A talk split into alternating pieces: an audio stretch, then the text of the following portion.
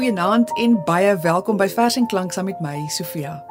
Ter herdenking van Uyskriege wat op die 4de Februarie 1910 gebore is, wil ek graag die volgende paar weke 'n bietjie dieper delf in die kleurryke karakter se lewe en poësie.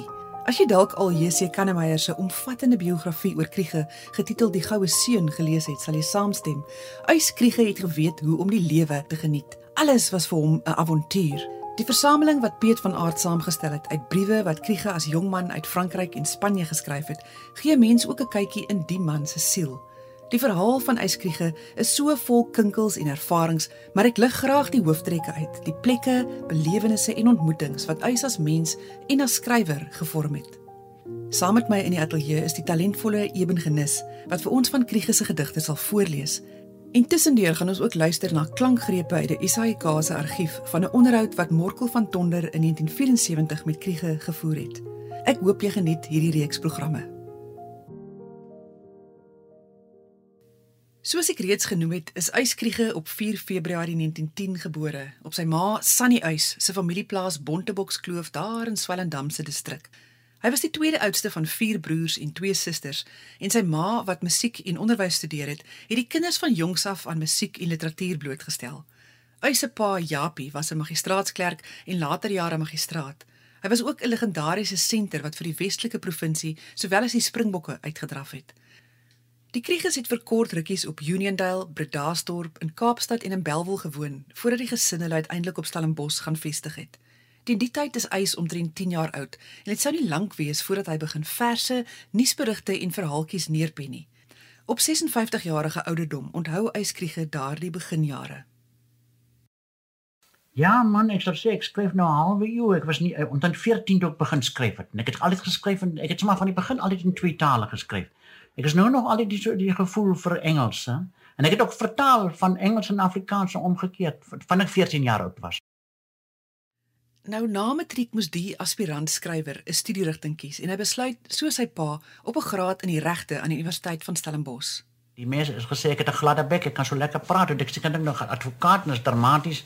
Destyds dien die nog die dramaturg en wording by my het gevoel is seker dramatiese loopbaan hier daar opstaan en jy praat en jy oortuig almal dat jy reg is en alles verkeerd. Die volgende gedig vertel egter hoe eis oor klasdraf gevoel het.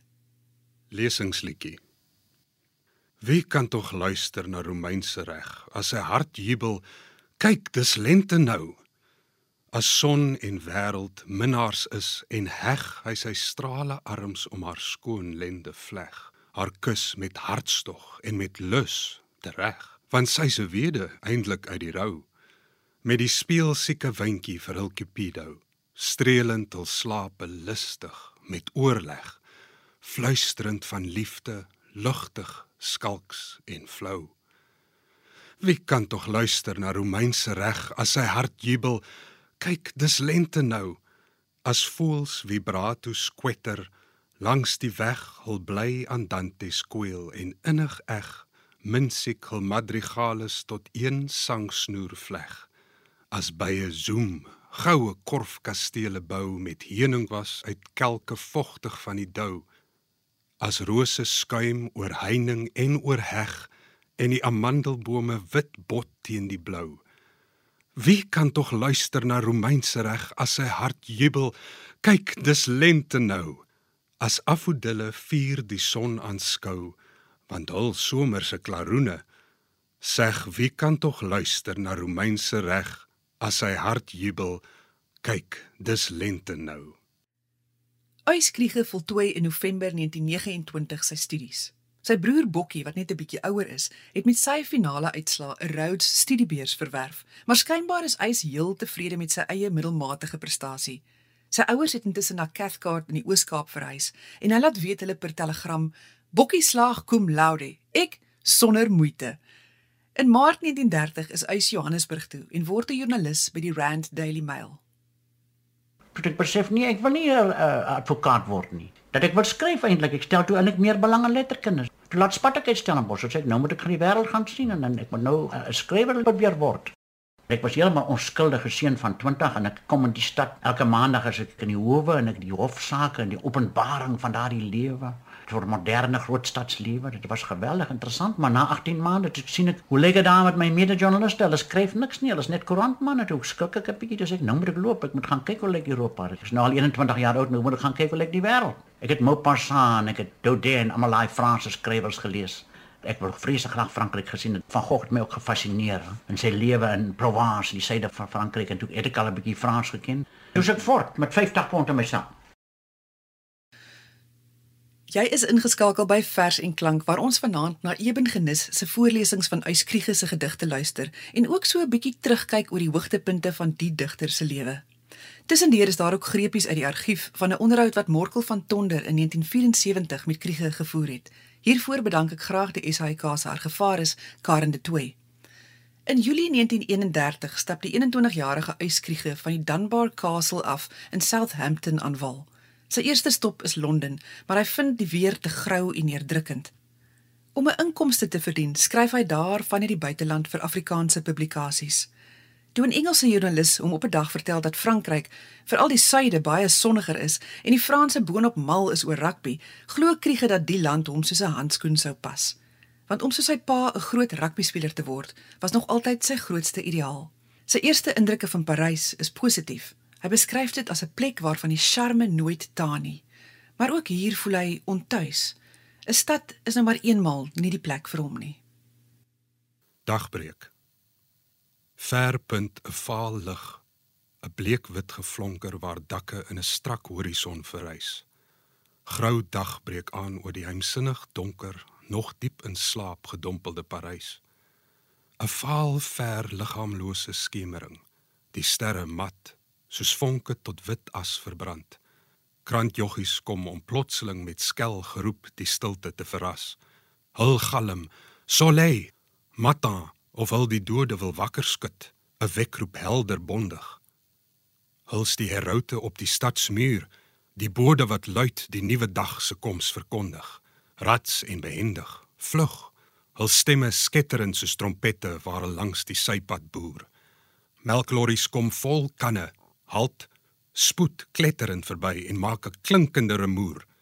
Swaar vragwaens rammel heen. 'n Tram sok op sy spoor, hamer fyn vonkies los en glip snel voort. Die stad se hart begin te klop, soos met sy uitvaart trill 'n reuse skip. Elke tralie hek klits oop van die loopgange waar slingerend reeds die metrotreine rol. Daar snel soos glimmende geel monsterslange kronkel diep in hul onderaardse hol. Die dag groei aan, stadig grys skemerend. Straatligte blaker dood. Die Eiffel vat nou vuur en vlam. Flink en vol swier geswind, breed oor die ver wyd uitgestrekte stad, tree nou die somermôre in sy blink drag van teer diep sonneblou en daggoudtrein. Elke krantkios vlam terug in prag soos graan goudgeel en bloedrooi soos alwyn. Die sens 'n luisterryke leermag, elk drup en speer gespits wat straal en skyn. Parys word wakker tot 'n nuwe dag en my hart ontwaak weer tot sy pyn. Na skaars 'n week in Parys klim hy op 'n trein na die suide van Frankryk en vind verblyf in die vissersdorpie Sanagy-sur-Mer in die middel tussen Toulon en Marseille. Hy lewer artikels en kortverhale vir die huisgenoot, die Volksstem en die Cape Argus, maar dit sou nog maande wees voordat die geldjies inkom. Dis gaan klop 'n hoopvolle kriege eendag by die Toulon rugbyklub aan, woon een oefening by en draf 'n paar dae later vir 'n klubwedstryd uit.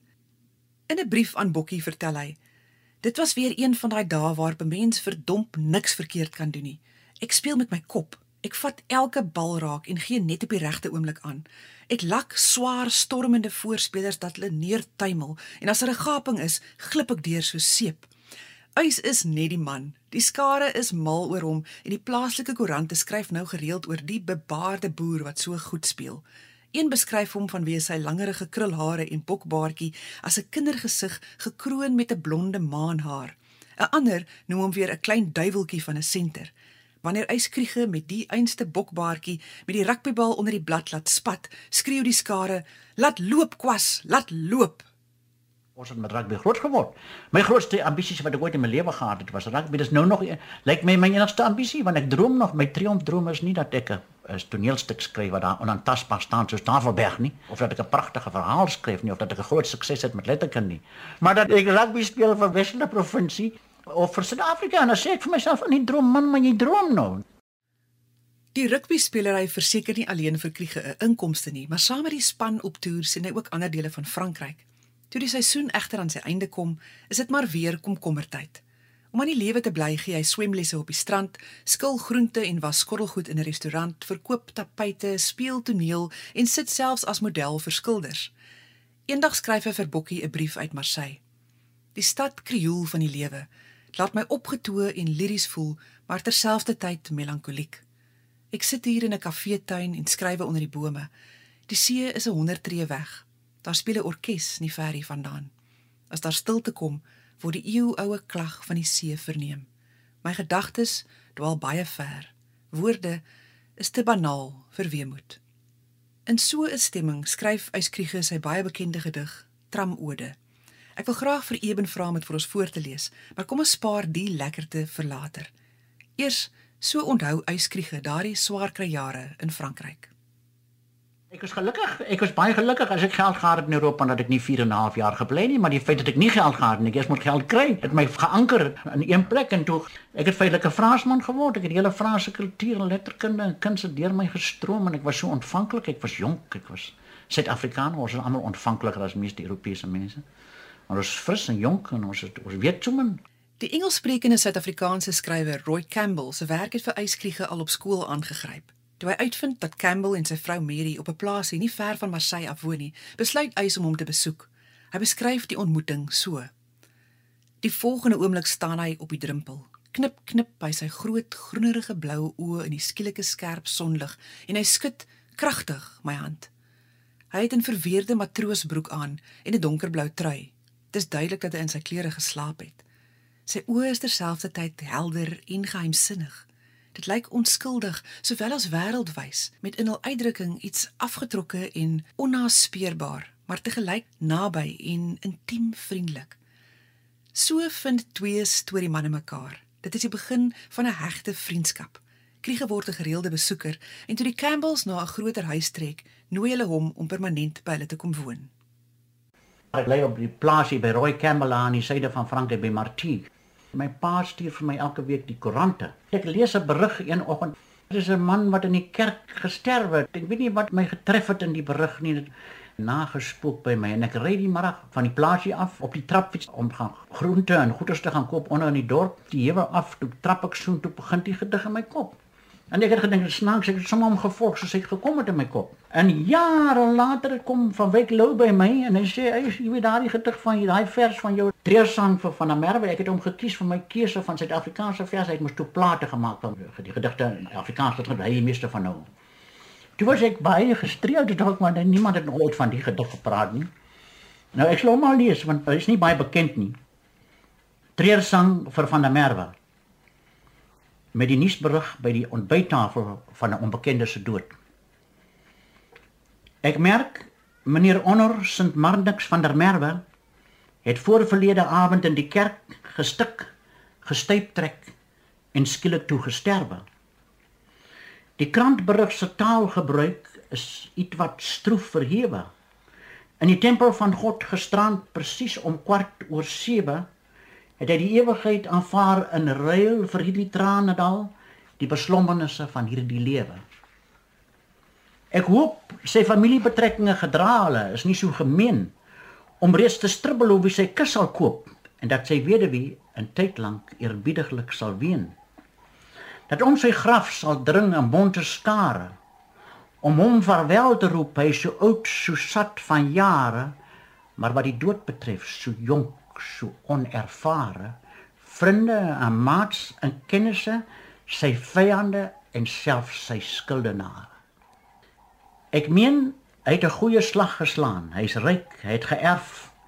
Die lang lang nag oneindig om hom heen.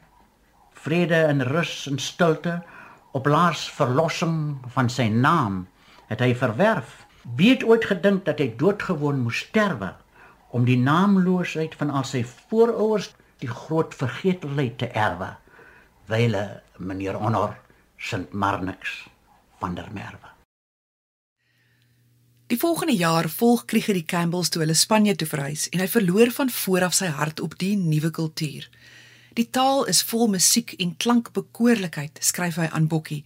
Die gestadigde ontdekking daarvan is 'n taalkundige avontuur 100. Hy vestig hom in Valencia by die see en in die tyd maak hy ook kennis met die werk van die Spaanse digter Federico García Lorca. Hy bewonder Lorca vir sy natuurlikheid en spontaniteit, sy eenvoud en gevoelsdiepte. Uyskriege het in sy vroeë 20's menige oppervlakkige verhouding aangeknoop, maar hier in Spanje raak hy vir die eerste keer werklik verlief op 'n vrou genaamd Emilia Eulalia. Die verhouding is ernstig. Hy is oorweeg dit om met haar te trou en dan sy bruid saam met hom terug te bring huis toe. In Augustus 1935 skryf hy aan sy ma: Ek is Emilia nie werd nie. Sy is veels te goed, lief en saggeaard vir my, maar ek sal haar gelukkig maak in Suid-Afrika, kom wat wil. Dis ook hoogtyd dat ek my vestig, vir die eerste keer in my lewe definitief koers vat en ordentlike, gereelde, goeie werk begin lewer. Ek is reeds byna 26 jaar oud en nog steeds lyk dit my in my rond Pieter periode. Einde November 1934 klim uys op 'n stoomskip Suid-Afrika toe, maar sonder Emilia Eulalia. Die jare in Europa het Kriege se uitkyk op die lewe verruim. Die blootstelling aan soveel kulture was vonkies wat 'n ewige dors na die ander syd van nuwe horisonne in hom laat vlam vat het. En hoe meer die eksotiese melodieë van gedigte in ander tale hom besiel het om dit na Afrikaans te vertaal, hoe groter was die ywer waarmee Uyskriege sy moedertaal verken en op vars maniere ingespan het. Hy sou vir die res van sy lewe maar kort kort weer 'n skip of 'n vliegtuig na die vreemde haal, maar sy hart sou altyd huis toe hinker. Eben En nou is dit tyd vir daardie gedig vol van die einste hinkering, tramode. Skakel gerus volgende week weer in wanneer ons die verhaal van Uyskriege verder vat. Ek groet tot volgende Dinsdag. Die son neig langsam na die see. Die geel tram rammel langs die Cornichepad.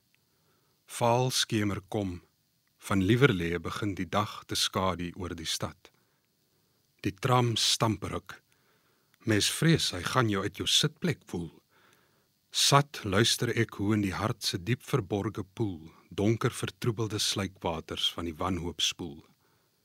Slot van die dag is ryp appelrood. Is daar geen uitvlug vir die hart in nood? 'n Kindjie kerm hier in sy ma se skoot. Grensloos is moederliefde. Sy sê geen woord. Lo radikaal kletspraat omtrent die nuutste moord is daar geen hawe vir die hart, geen oord van rus en vrede wat op hom wag. Woes ruk die tram. 'n Jong span skater lag. Lank is die dag. Maar plotseling glip te voorskyn op die Kaap 'n skip, statig en stil en snel, die al daarin. Hy kies die blou pad, slaan die oop see in. O al daarin O grys gestalte, slank en skoon, wat koers vat uit Marseille na die verre ooste. Jy bring 'n snelle blydskap tot die onvertrooste gemoed, waar koud en eensaam in sy kerker wanhoop woon. O al daarin, o verre ooste, o staalgrys skip wat deur die duining dring, o name wat daar skielik sing, verlange en verrukking bring, nagtegale uit die stil beskutte woud van herinnering. O name vir my altyd skoon, blink nuut en ongewoon, aanskouliker as die anemoon, fyner gefesel, teerder getint as die eilskemering. O wakker mars van name deur my gees, van stede, dorpe, plase, plekke waar ek eens gewees het, waar ek verlang het om nog eendag te wees toe ek as seun verruk onder die lamplig saans van hul gelees het. Daar is 'n halkie dwaal te midde van die vaal godverlore dor Karoo en Arequipa in Peru. Granada is 'n sprokiesstad in Andalou. Popocatépetl het 'n bergse piek in Mexiko. Die laaste stasie voor my tuiste het die mooi kosse naam Huacu. Tierra del Fuego, Tristan da Cunha, bid sonder water. Kilimanjaro en Ruitersbos pas en die Brahmaputra en Baardskeerdersbos. O al daarin, o name, o versigtiging op pelgrimsrus in die Transvaal wil ek weer hoor hoe klink my taal, skoner, welluidender as Provençaal. Ek wil gaan na Avignon en ek wil sien hoe smeel die son in die herfsblare by Tarascon. Kastele is droomslotte by Carcassonne en môre misterigheid silwervag van spinnerak gespan bo oor die Theems by Teddington. Rykhalsende veldblomme met gulde tot die son gekeerde kelke, trompette tot die somer, September maand by Calydon. O Aldarin, o name, o verlange. Vry, sorgeloos en onbevange wil ek diep asemhaal weer op die vergestrekte kaal Karoo, as vreedsaam stil soos 'n wit vlug van duwe daardie skemerdaal, as swart en soos 'n donker gees wat doel die nag daar dwaal. O snydend die suidersterre, sidderend skerp soos staal.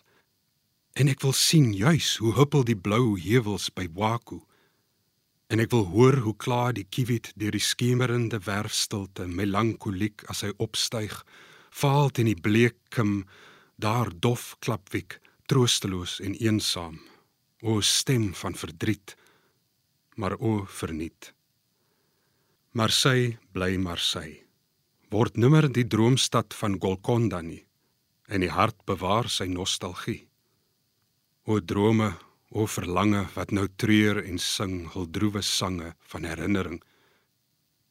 Daar is 'n strandjie waarna hy's kraans waar ek 6 jaar oud was en ons saans half 8 na bed moes gaan, nog voor die lughuis met sy blink oog oor die duining gloor. Waar is die wonder en die ou geloof wat ek eens had as kind by Bonteboks kloof? Is daar nog loukwartbome om te roof in die skadu van Leeukop by Tamboerskloof? Wat het die vuur, die vlam gedoof? Die sprakeloos verrukking en die lofsang wat loof. En daar's 'n hawe in die vaal mis, Amsterdam. Die herfson gooi 'n goudvlek teen die tram. God, dit moet lente wees nou in Swellendam. Maar die hart ken sy verdriet oral, in elke landgebied, in Kaapstad sowel as in Madrid. Palmbome wuif pluimkuive in die klaar, kalm stil swaye van die skemeraand by Zanzibar. Mors dood die lewe daar soos elders, tries, net soos 'n kerkbazaar. Ek voel die tyd soos 'n gewas wat aanhou vreet. Waar is die dag? Waar die geluk? Wie weet? Die tram staan stil. Ek stap na huis. Ek moet gaan eet maar die hart herkou steeds sy verdriet oral in elk landgebied. Mens kan geen leeurik maak van 'n kiewit. Diep soos vergetelheid lê die nag. Wat kan ek van die daarraad verwag? Slegs Sondagmôre in plaas van Saterdag.